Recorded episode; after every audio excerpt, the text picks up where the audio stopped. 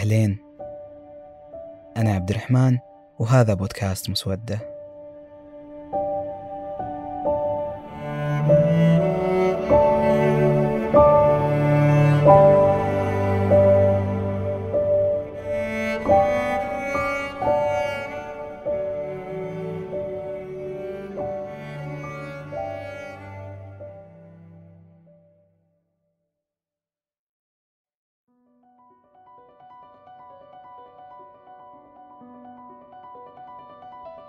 كل إنسان في هذا الوجود عنده أفكار أو أشياء ممكن يفكر فيها باستمرار وتشغل جزء من تفكيره.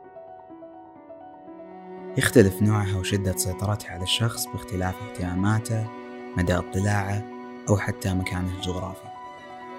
لكن ماذا لو أن أفكارنا هذه كانت سبب لتعاستنا وألمنا أو يمكن خوفنا المستمر؟ يمكن دائما نفكر في أن ماذا لو كان بأيدينا أن ننهي حربا أو أن نستطيع مواساة كل حزين أو أن نضع حدا للقسوة في هذا العالم. فكرة معاناة شخص واحد فقط في هذا الكون مزعجة كفاية يصيبنا معها نوع من تأنيب الضمير. مع أن ما لنا دخل ولا كنا السبب لا في بداية هذه المعاناة ولا في استمرارها. فالحياة في هذه الأرض أوسع من أن نتحكم فيها كأشخاص بسطاء بما يحدث من هذا الكم من الشر أو السوء وأوسع من أن نعمم فيها الخير على كافة أرجائه. يعني أنا شعرت إنه عم بفرجونا صور أو مشاهد معينة من أشخاص من مرضى تحديدا يعني. الفيديو ركز على على مرضى. وبالنهاية عم عم بيحكي لنا إذا قادرين إن نضع أنفسنا مكانهم قادرين نسمع شو هن عم بيسمعوا نعم. ونشعر باللي هن شاعرين فيه. لأنه كنت أتوقع في تصوري البسيط أن لا يوجد أحد ما يتأثر من مشاهد الحرب والمجاعات. أو ما يفكر ساعات في معاناة شعب في أقصى الكرة الأرضية. في أشخاص يختارون يكونون مطلعين على أحداث وأخبار معاناة الشعوب والإنسان اللي تستجد مع مرور الزمن. ممكن يتلقون هذه المعلومات بشكل جدي ويعطونها اهتمام ومساحة من تفكيرهم. أو هالأشخاص بيختارون أنهم ما يهتمون باللي يصير في الجزء الآخر من العالم. أو حتى الجزء الآخر من مدينتهم. يمكن وصلنا مرحلة البرود من كثرة تداول هذه الأخبار حتى وصل الحال بكلمات زي وفاة مقتل أو تهجير إلى أنها تكون كلمات عادية وما نوقف عندها. معرفة المرء الحقائق الأمور تؤدي إلى تحرره من الجهل والتعصب والكراهية اللي تعتبر أساس بدايات الحروب بشتى أنواعه. وإذا كان الجهل سبب رئيسي لاقتراف الخطيئة أو الشر كانت المعرفة وعي يحررنا منها.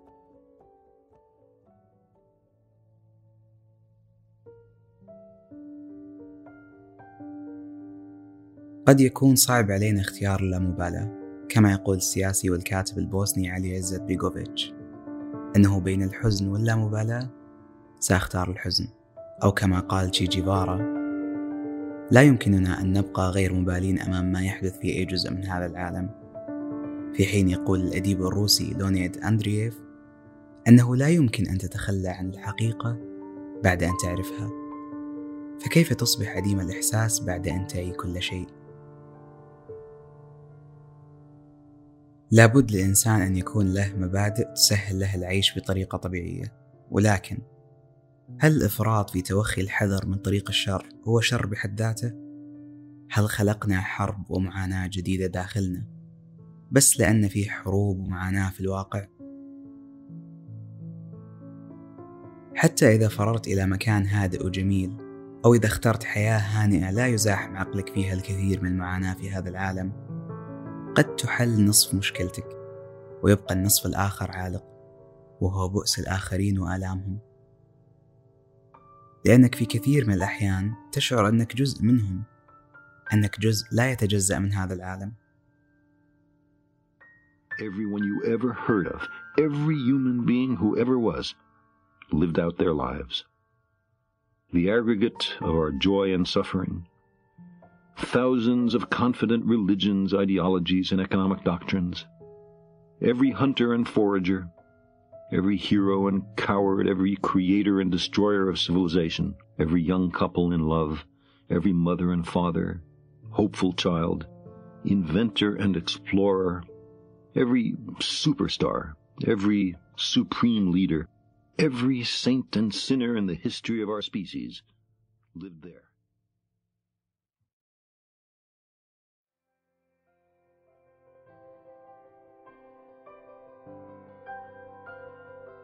هل لنا كامل الأحقية في تجنب التفكير عن الأفكار المجهولة بسبب خوفنا المستمر من وضوح حقيقتها؟ هل الجهل ببعض الأمور أحيانا يكون نعمة؟ ما نقدر نهرب من الواقع حتى لو أنه يحاصر الرمق الأخير من حياتنا. ما نقدر نقول على فكرة إنها مجرد فكرة. رفع صوت موسيقى موحدة في هالعالم كفيلة بإسكات إزعاج أصوات عقولنا. يقول إليوت في مسرحية من مسرحياته نحن لا نحب أن نصعد سلما ونكتشف أنه ينزل بنا إلى الأسفل. لا نحب أن نخرج من باب ونجد أنفسنا وقد عدنا إلى المكان نفسه. لا نحب المتاهة في الحديقة لأنها تشبه كثيرا المتاهة في عقولنا. التصاعد المفرط في أفكارنا بيدخلنا هو عميقة الخروج منها راح يتطلب حرب خاصة. والسبيل الوحيد عشان نحس بالراحة من كل هالتشتت هو إننا نفهم أنفسنا. وزي ما يقول مارك في كتاب فن اللامبالاة قيم بسيطة مباشرة يمكنك التحكم فيها ويمكنها التسامح مع فوضى العالم من حولك. ولأن نقطة التغيير تبدأ من عندنا لازم نفهمنا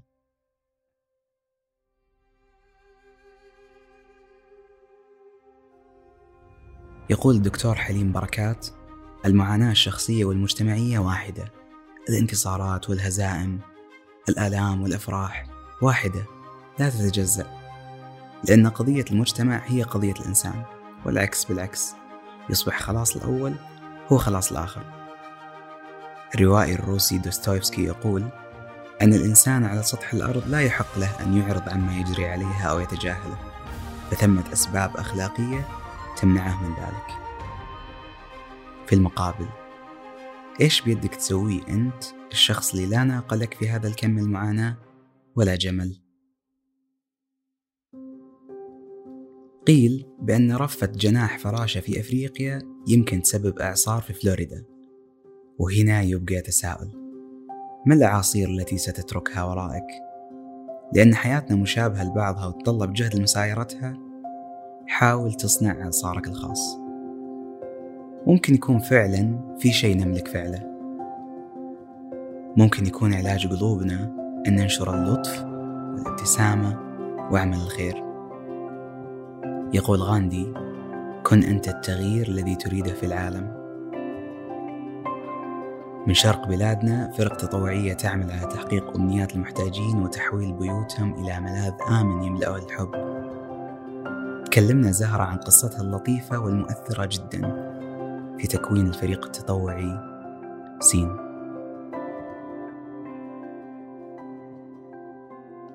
آه، سين بشكل عام بدأت من معاناة. آه، بدأت من اللحظة اللي حاولت فيها أني أنهي كل حاجة آه، بس أني ما قدرت ما عرفت أي طريق. بعدها خطرت في بالي فكرة أن ليش ما أساعد غيري عشان أحس قيمة الحياة؟ أو طول طول عمري كنت أتمنى إني أنا أروح أكمل حياتي في أفريقيا أن آه، أعيش حياتي هناك إني أبدأ أدرس الأطفال اللي هناك آه، أن يكون عندهم فرص حياة أفضل من الفرص اللي موجودة عندهم. وحاولت أن أخلي هذا تقريبا آخر أمنياتي. حاولت اشتغلت على نفسي على أساس أني أنا أروح لكن للأسف حصلت رفض من الوالد. فبعدها جتني فكرة إنه ليش ما أبدأ من هنا؟ بدأنا من هنا أول حالة حالة مريم. مريم شخص آه، فقد أشياء كثيرة فقد أبسط الأشياء في الحياة. كنت أعتقد الأمر بسيط إنه بس تأثيث أثاث بسيط وانتهى الموضوع لكن آه، لما قعدت مع مريم بديت أسمع أحلامها بديت أسمع أمنياتها تحول الموضوع إلى ليفل ثاني. بديت أفكر كيف أحول أحلامها اللي هي تتمناها إلى واقع. وبعدها مريم عطتني بداية الحياة. كان شعور مختلف تماما. كيف قدرت تغير حياة شخص آه، من كل النواحي نفسيا جسديا المكان اللي هو عايش فيه تفكيره. فكانت فكانت البداية الحياة مختلفة جدا الحياة جدا جميلة. الحياة ما قدرت أطلع منها. في كل بعد كل حالة أقول okay هذه آخر حالة سين لأنه صعب إن إحنا نكمل. لكن فجأة ألقاني في الحالة اللي بعدها واللي بعدها واللي بعدها إلى أن صار الموضوع شوي كأنه إدمان. أنا ممتنة لسين. ممتنة لكل بيت دخلت فيه وسمعت قصتهم لأن كل بيت دخلتها آه، علمني حاجة. لما كنت طفلة كنت دايم لما كنت طفلة كنت دايم أقول أتمنى أن عندي طائرة وهذه الطائرة تكون فيها أكل كثير فأنا أمر على البلدان الفقيرة كلها ومن الطائرة أنزل لهم كل هذا الأكل. كان في كثير يضحكوا علي للأمانة على هذه الأمنية لكن اكتشفت أنها هي مو أمنية مستحيلة. لكن مو أمنية أقدر أسويها لوحدي.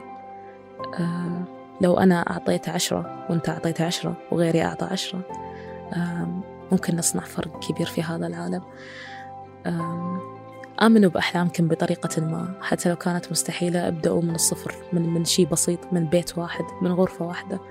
سين حرفيا بدأت من غرفة واحدة من بنت واحدة. واليوم عندنا أكثر من سبعين مستفيد.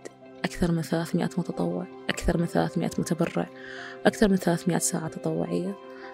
ف مين كان يدري إن ممكن في شخص يصعد على القمر واليوم صعد؟ برضو مين كان يدري إن العالم هذا كله ممكن يتغير؟ وهو فعلا ممكن يتغير. حاجة مستحيل كنت أتعلمها لو ما دخلت هذا البيت لو ما سمعت قصص هذه الناس لو ما سمعت كيف تجاوزوا آه، الآلام اللي هم فيهم. وسين برضو كأفراد كأشخاص كمتطوعين موجودين معنا. علموني أشياء كثيرة. كانوا معي مو بس كفريق كانوا معي كعائلة حرفيا. فكان هذا شيء جميل جدا وشيء أنا مرة ممتنة له. ممتنة حتى للحظات الصعبة اللي عشناها مع بعض. لأن حتى اللحظات الصعبة علمتنا أشياء أشياء مرة مرة جميلة. تغيير حياة الناس آه، شيء رهيب جدا شيء جميل جدا.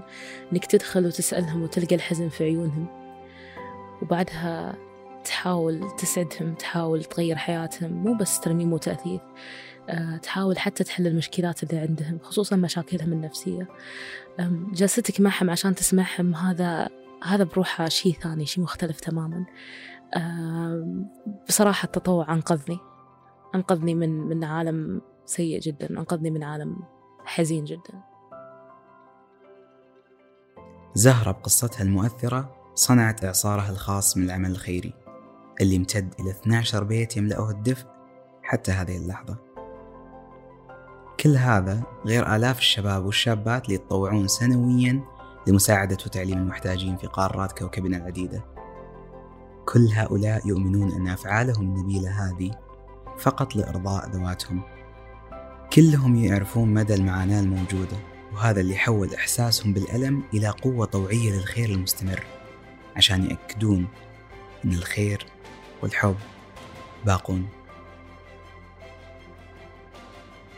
يعني شوف الناس اللي يديرون العالم أطباء بلا حدود أو عندنا مجموعة من الشباب اللي يديرون على أساس مكافحة العنف ما تقل العالم الثالث النائي ليه يروحون هنا؟ وهم يعني ينتقلون من المجتمع من دائرتهم المريحة إلى دوائر صعبة جدا وبعضهم يتعرضون لخطر حقيقي. إلا اللي يدفعهم شيء أقوى منهم.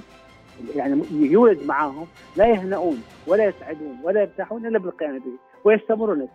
هذا هو العمل طبعا. طبعا وطبعا في طبيعته دوما يكون ايجابيا بلا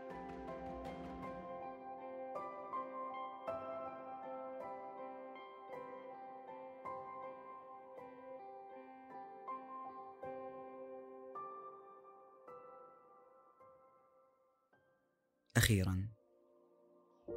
القلب إذا لم يستعمل لغرضه الأساسي يتعطل. ونبينا محمد عليه الصلاة والسلام يقول أن هذه القلوب تصدأ كما يصدأ الحديد.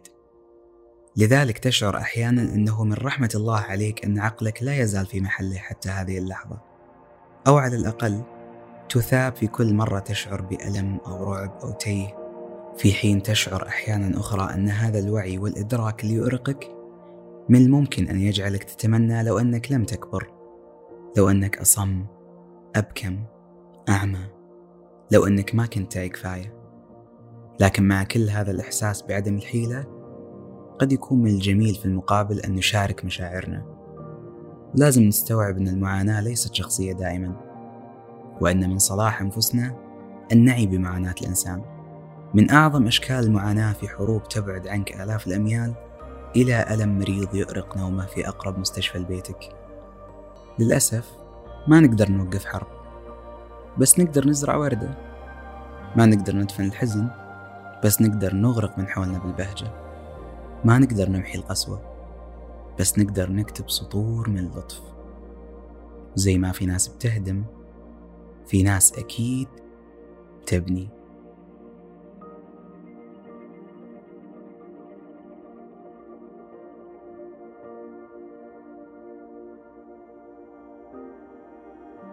أتوقع الكل متفق أنه أب الجميع آه، أب الروحي حق الجميع. كان لطيف معنا كان رائع جدا.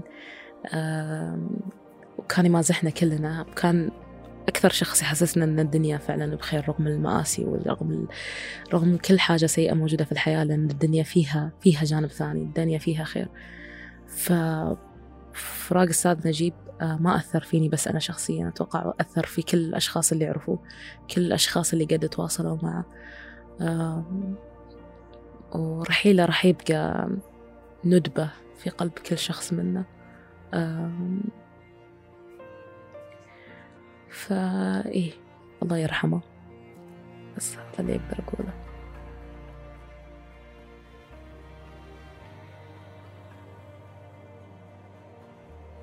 هذه المسودة إهداء إلى روح الراحل. نجيب الزامل أيقونة التطوع والعمل الخيري في بلادنا. يومكم سعيد.